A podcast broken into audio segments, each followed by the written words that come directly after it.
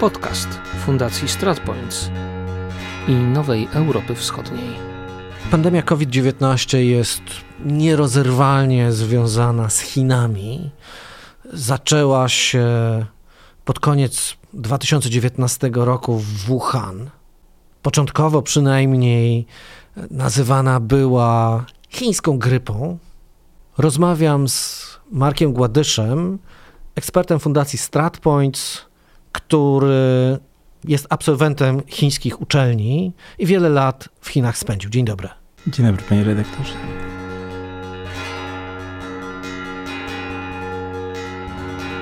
Czy ufa pan chińskim narracjom na temat COVID-u?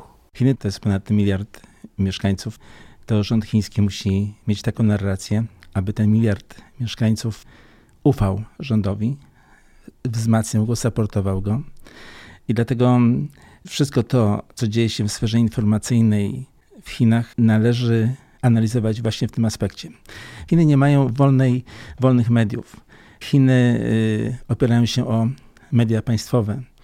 Chińska telewizja, wiele kanałów, w tym chińskie kanały angiel, angielskojęzyczne, służą temu, aby umocnić w społeczeństwu poczucie po pierwsze bezpieczeństwa, po drugie poprawności własnego działania. I z tego punktu widzenia również rodzi się narracja na zewnątrz, ponieważ y, Chiny w, jakim, w jakimś sposób muszą ten swój wizerunek również budować na zewnątrz, umacniając się jednocześnie wewnętrznie. A więc y, czy można im ufać? Y, można im ufać, natomiast należy umieć analizować. Generalnie rzecz biorąc, ilość informacji, która się wydostaje z Chin jest również bardzo mocno ograniczona. Ta informacja jest przetwarzana wstępnie i dlatego zwyczajnie słyszymy to, co Chińczycy chcą, abyśmy usłyszeli, a nie to, jaka jest prawda. Do rozmowy z Markiem Gładyszem o tym, co rząd Chin chce, żebyśmy usłyszeli o COVID-19 i dlaczego, wrócimy za chwilę, a teraz wybrane informacje na temat pandemii na świecie.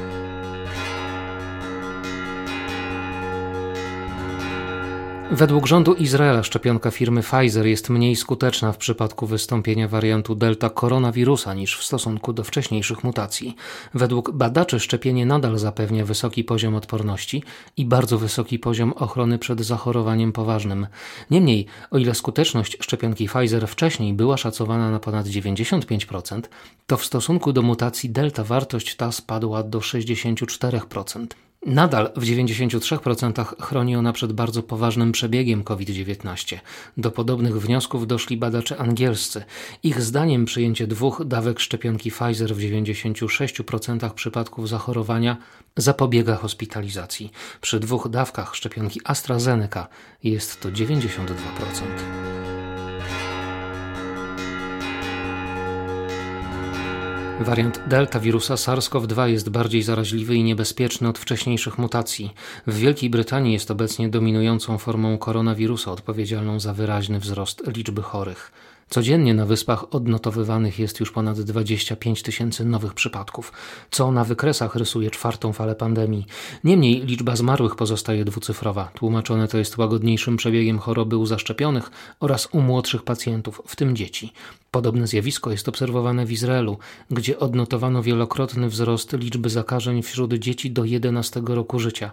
Stąd przekonanie, że kluczem do utrzymania niskiej śmiertelności w grupach większego ryzyka jest pełne zaszczepienie maksymalnej liczby obywateli.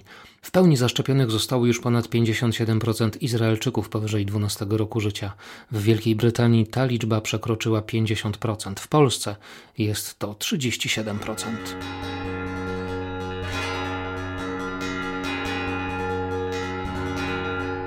Światowa Organizacja Zdrowia rekomenduje tocilizumab jako środek skuteczny w leczeniu poważnych przypadków COVID-19. To dopiero druga taka rekomendacja od początku pandemii. Organizacja Lekarze Bez Granic alarmuje jednak, że z uwagi na cenę lek produkowany przez szwajcarski koncern Roche będzie niedostępny dla pacjentów w krajach ubogich i średnio zamożnych. Pomimo tego, że główny patent wygasł, część praw jest zastrzeżona, a dawka leku od lat używanego w leczeniu schorzeń reumatoidalnych kosztuje od 400 dolarów w Australii do ponad 3,5 tysiąca dolarów w Stanach Zjednoczonych. Tymczasem koszt produkcji jednej dawki leku wynosi około 40 dolarów. Z tego powodu lekarze bez granic apelują do Roche o obniżenie cen i udostępnienie technologii.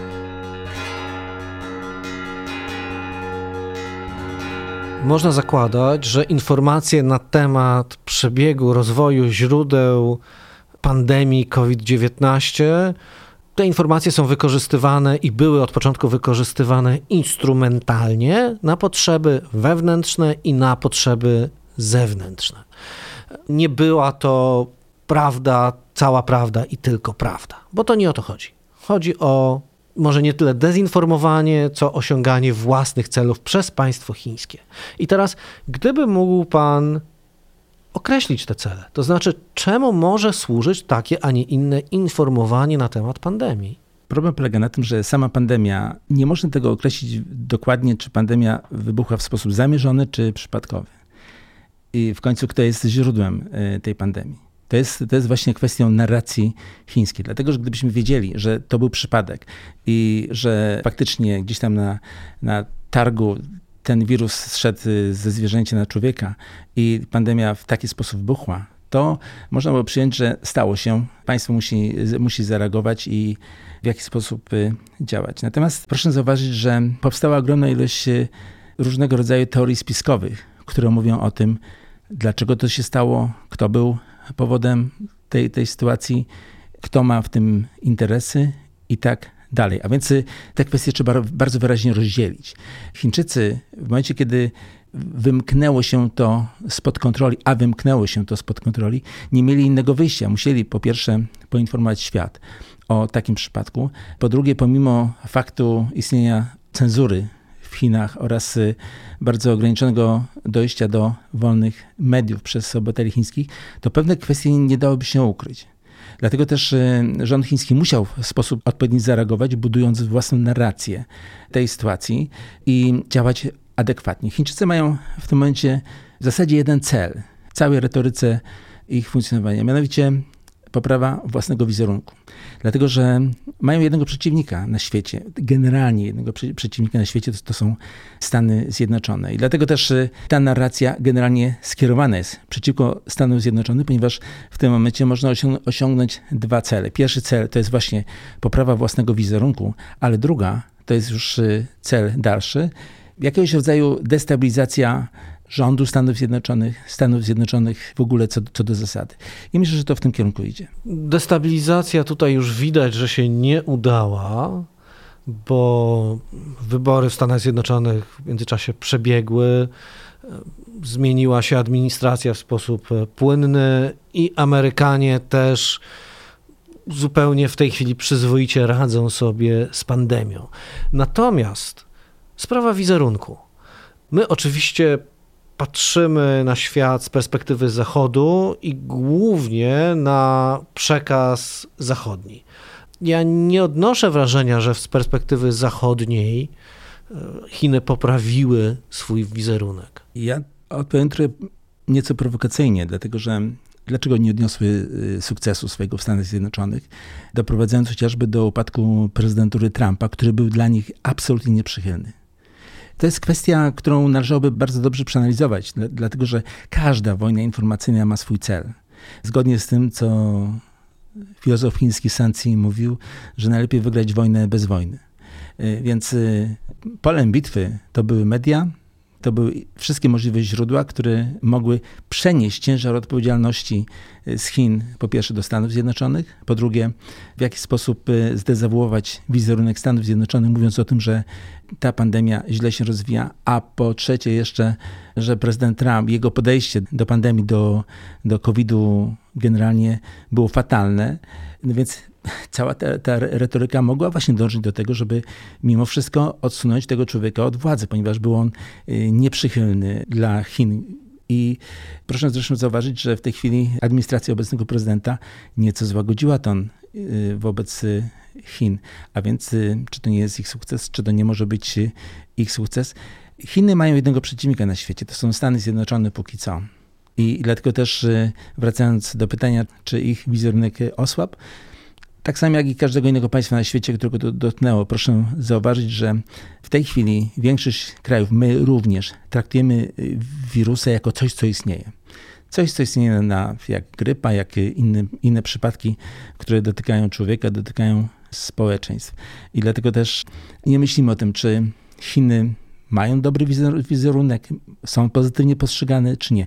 Zwłaszcza z, poziomu naszego kraju, dlatego że to również trzeba o tym pamiętać, że nasze miejsce, mówię o miejsce Polski w tych relacjach, to już jest e, kwestia, która jest zupełnie inna. Czyli oznaczałoby to, że Chiny odniosły sukces informacyjny i propagandowy, tak naprawdę odsuwając od siebie odium odpowiedzialności za to, co się stało. Dobrze zrozumiałem? W tej chwili nikt nie mówi o odpowiedzialności, proszę zauważyć. Teorie spiskowe, które mówią o tym, że to był produkt laboratoryjny lub to był produkt, który miał na celu zwiększenie zysków dla firm farmaceutycznych światowych, tak zwanych big farm, no to w tym obszarze toczy się, toczy się dyskusja. Wirus wybuchł, wszystkie kraje na świecie mają podobne problemy. Chiny do tej pory są zamknięte w zasadzie dla obywateli świata. To ma swoje znaczenie i wpływ na to, co się dzieje chociażby w gospodarce i na to, co się będzie działo w gospodarce. Dlatego też y, w tym momencie, patrząc na własne problemy, niejako zapominamy o tym, skąd to się wzięło, dlaczego to się wzięło i kto był za to odpowiedzialny. Czyli patrząc na niespełna dwa lata pandemii, możemy dojść do wniosku, że może Chiny nie zyskały na niej, ale przynajmniej udało się skutecznie zarządzając informacją, efektywnie ograniczyć straty, które mogły być potężne. Rząd chiński ma kilka aspektów, o których musi ciągle pamiętać. Pierwszy aspekt to jest y, ponad miliard mieszkańców. Ten miliard mieszkańców musi żyć y, w jakiejś tam świadomości po pierwsze i w jakimś dobrobycie po, po drugie. Chińczycy nie mogą sobie pozwolić na to, żeby społeczeństwo im się zachwiało i doprowadziło do takiej sytuacji, która miała miejsce chociażby na Tiananmen. A więc ich narracja musi być e, skierowana po pierwsze na uspokojenie własnego społeczeństwa, ale po drugie na dalszy rozwój kraju. Proszę zauważyć, że Chiny niezwykle zyskały na pandemii. Chiny są największym eksporterem świata. Ich eksport rozwija się prędkością około 2% y, rocznie. To jest bardzo dużo. Dla nich ta sytuacja jest również w tym momencie niebezpieczna, bo obecnie chociażby Shenzhen. Shenzhen to jest miasto y, w południowych Chinach, dokładnie vis-a-vis Hongkongu, absolutne centrum produkcji elektronicznej. W tej chwili jest zamknięte. A więc y, to może mieć ogromne aspekty dla gospodarki chińskiej, ale i również będzie miało to, będzie miało wpływ na to, co się dzieje na świecie. I jakie są perspektywy? To znaczy, e, Chiny nie podbiły świata ze szczepionką. Natomiast co wiemy o rozwoju samej pandemii i sytuacji wewnątrz Chin? Po pierwsze, Chiny nie podbiły świata ze szczepionką, ale po drugie doprowadziły do sytuacji, że każdy obywatel chiński, który musi, który w Chinach szczepionki są w tej chwili obowiązkowe. Shenzhen jest, tak powiedziałem wcześniej, miastem e, zamkniętym. Na ulicach e, są wykonywane badania oraz e, szczepienie jest obowiązkowe dla każdego obywatela szczepionką chińską. Tutaj ciekawostka, bo Ministerstwo Zdrowia Chin zaleciło władzom prowincji zaprzestanie szczepień obowiązkowych. Niemniej jednak można śmiało się spodziewać, że istnieją metody i argumenty nie do odrzucenia, które powodują, że Chińczycy masowo się szczepią, czując, jeśli nie przymus, to obowiązek. Wyprodukowanie ponad y, 2 miliardów dawek szczepionki, no to jest jak, jakiś biznes. Co więcej, chcę powiedzieć, że widziałem kilka e, spotów, które reklamowały szczepionkę chińską, twierdząc, że jest najlepsza na świecie. Chińczycy w to wierzą. Chińczycy w większości przypadków nie zaszczepią się inną szczepionką, aniżeli własną szczepionką. To, że inne kraje wykorzystują produkty innych firm, to już jest zupełnie inna kwestia. To też ma swoje znaczenie. Dlaczego my się szczepimy szczepionkami zachodnimi, nie za bardzo ufając chociażby Sputnikowi, już nie, w ogóle nie, nie myśląc o szczepionce chińskiej, której nawiasem mówiąc, nasz pan prezydent, z tego co pamiętam, planował podjąć działania, aby została ona zakupiona jednak tak się nie stało. Więc y, wszystko jest możliwe. A wrócę do pytania, czy wiemy, jaki jest rozwój, jaka jest sytuacja epidemiologiczna w Chinach? W tej chwili jest zamkniętych kilka prowincji. Kilka prowincji południowych. To są kluczowe prowincje dla chińskiego eksportu. Właśnie chociażby przykład jest Shenzhen.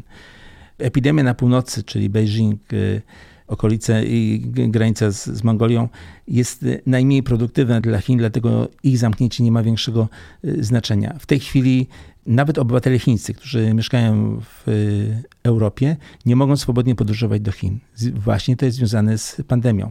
O tym też się nie mówi, ponieważ to również jest w narracji naszej polskiej, że chodzimy po ulicach, chodzimy bez maseczek, y, traktujemy wirusa jakby go nie było, natomiast y, sytuacja prawdopodobnie wygląda nieco inaczej. W Chinach w tej chwili wirus może nie tyle jest w natarciu, ale na pewno nie jest, w, nie jest w odwrocie.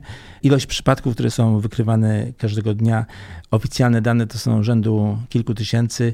Niemniej jednak są to oficjalne dane, natomiast y, jaka jest prawda, no, nie będziemy tutaj próbować y, dojść do, do tej prawdy, ponieważ nie mamy do tego podstaw ani wiedzy, ani źródeł, ale można przypuszczać, że e, sytuacja wygląda o wiele poważniej.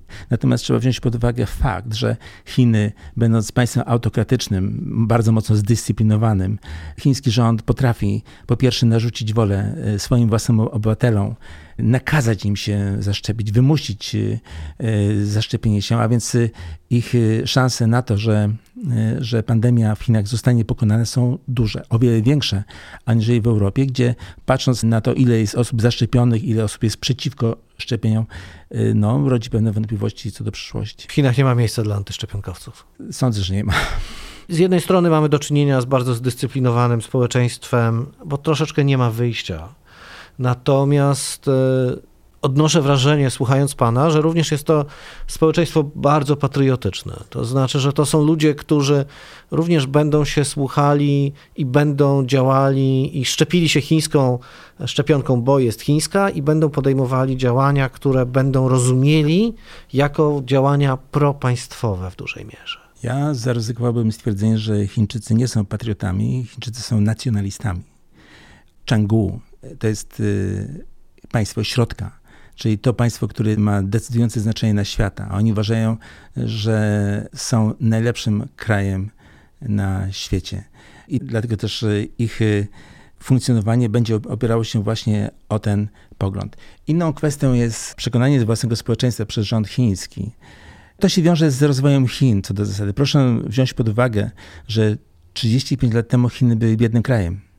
To jest niewiarygodne to, co oni zrobili w ciągu tylu lat. Tak naprawdę ciężką pracą, ale i działaniami, które nie zawsze były zgodne z prawem, chociażby kradzież własności intelektualnej, słynne chińskie kopiowanie i, i, i, tak dalej. Niemniej jednak Chińczycy w ciągu tych kilku lat doprowadzili do tego, że e, ludzie, którzy byli biedni, stali się po pierwsze, powstała klasa średnia niezwykle bogata, którą stać na bardzo wiele i która saportuje rząd chiński, ale i Chińczycy w swojej masie ufają swojemu własnemu, własnemu rządowi, bo jeżeli on wyciągnął ich ze wsi, dał im opiekę medyczną jak, jakąś tam, dał im pewne dojście do, do zdobyczy cywilizacyjnych, dlatego oni będą twierdzić, że ten rząd, ta władza jest dla nich najlepsza. W związku z tym ich podejście również do problemu pandemii będzie takie, jak, jak mówi rząd, a zwłaszcza, że oni nie mają możliwości uzyskania informacji z innych źródeł. Proszę wziąć pod uwagę, że w Chinach ciągle jest y, niemożliwe uzyskanie dostępu do Google, do YouTube. Oni mają własne portale, które spełniają niejako tą rolę, ale te portale są filtrowane. W związku z tym ich narracja i wiedza Chińczyków będzie się opierał o to, co słyszą w CCTV, czyli w chińskiej oficjalnej telewizji.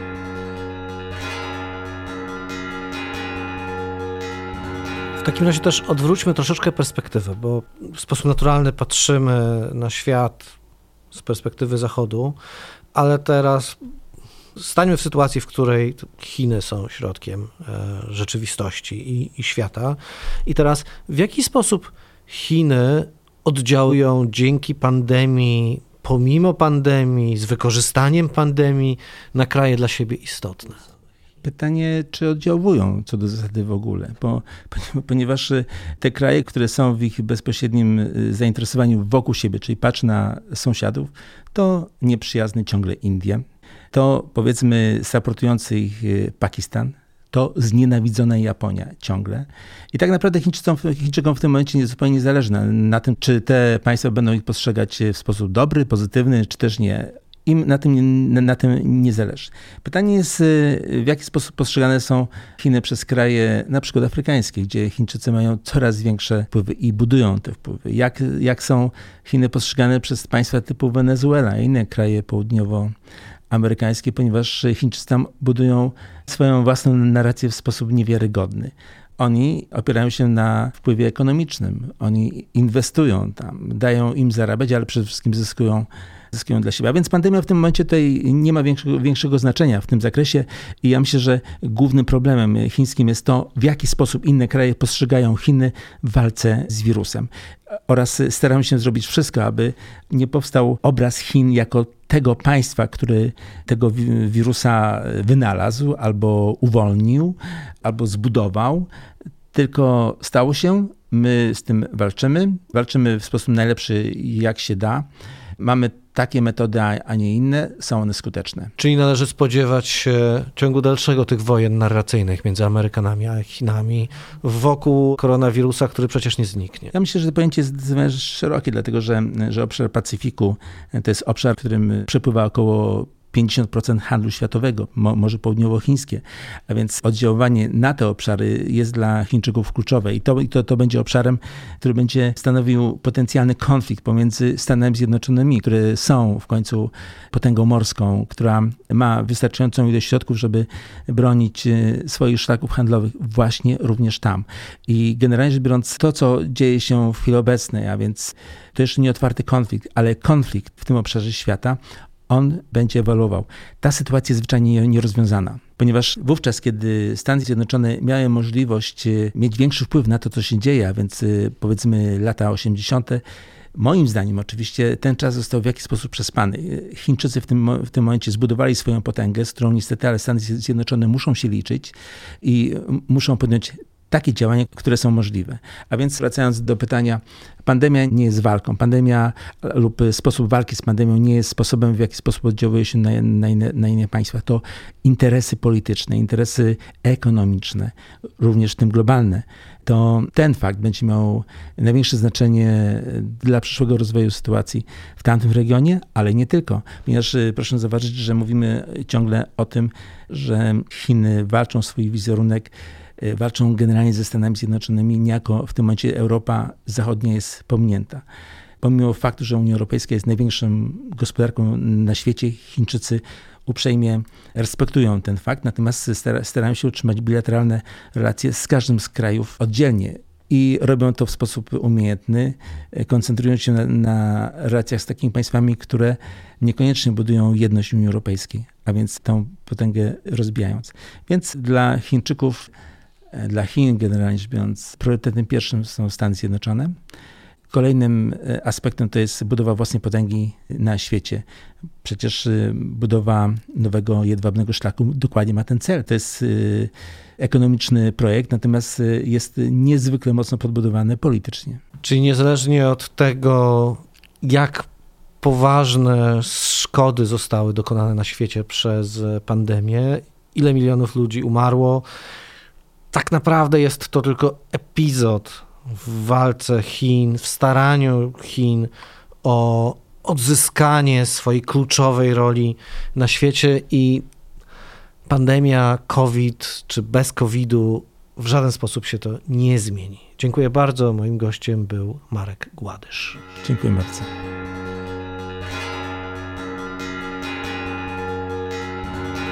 Podcast został sfinansowany z grantu przyznanego przez Departament Stanu USA. Opinie, stwierdzenia i wnioski zawarte w tym podcaście należą do jego autorów i nie muszą odzwierciedlać stanowiska Departamentu Stanu USA.